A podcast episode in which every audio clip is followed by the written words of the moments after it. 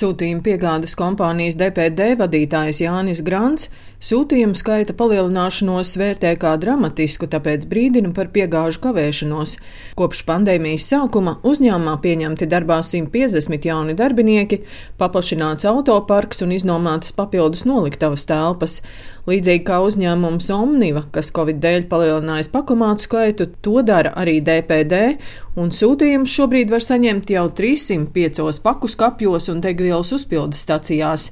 Sūtījumu skaits uz paku skapjiem palielinājies četras reizes, bet sūtījumu skaits no Baltijas un Eiropas palielinājies par 120%. Diezgan tradicionāla elektronika, kas ir īpaši šīs sezonas aktualitāte, ir tieši apģērbs.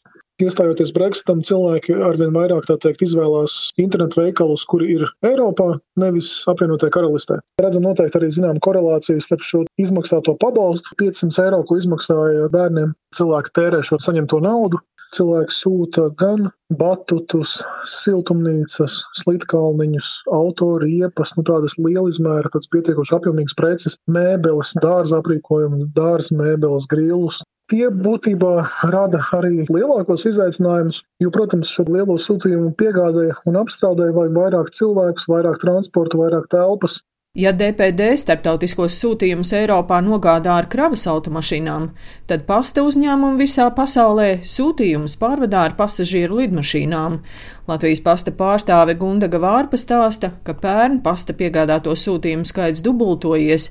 Šī gada pirmajos mēnešos pieaugums bijis 55%, tāpēc uzņēmumam bija jādomā par alternatīviem piegādes veidiem ar uh, kravas mašīnām un pa dažādiem citiem ceļiem. Un mēs jau vairāk kārt arī esam stāstījuši gan par uh, šo starptautiskās pasta korporācijas nofraktēto kuģi uz Austrāliju pagājušajā gadā. Mēs paši arī decembrī fraktējām kravas čārteri uz un no Lielbritānijas, gan nogādājot savus sūtījumus, gan atgādājot Royal Mail sūtījumus klientiem, bet uh, pat laban pakāpeniski atjaunojas arī lidmašīnu reisu skaits no Rīgas lidostas, paplašinās arī šis iespējamo gala mērķu skaits, bet, protams, tā situācija joprojām ir nestabila. Sūtījuma apstrādes kompleksā vienlaikus ienāk ļoti liels sūtījumu skaits, un viņš nav vienmērīgs.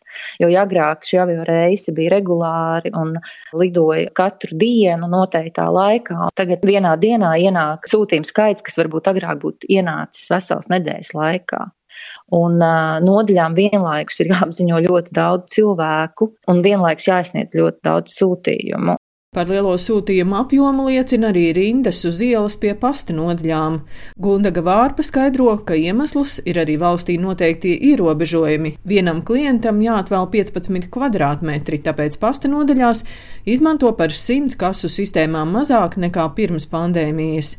Lai šo situāciju risinātu, Latvijas pasts paplašina šobrīd esošo 62 pakomātu tīklu.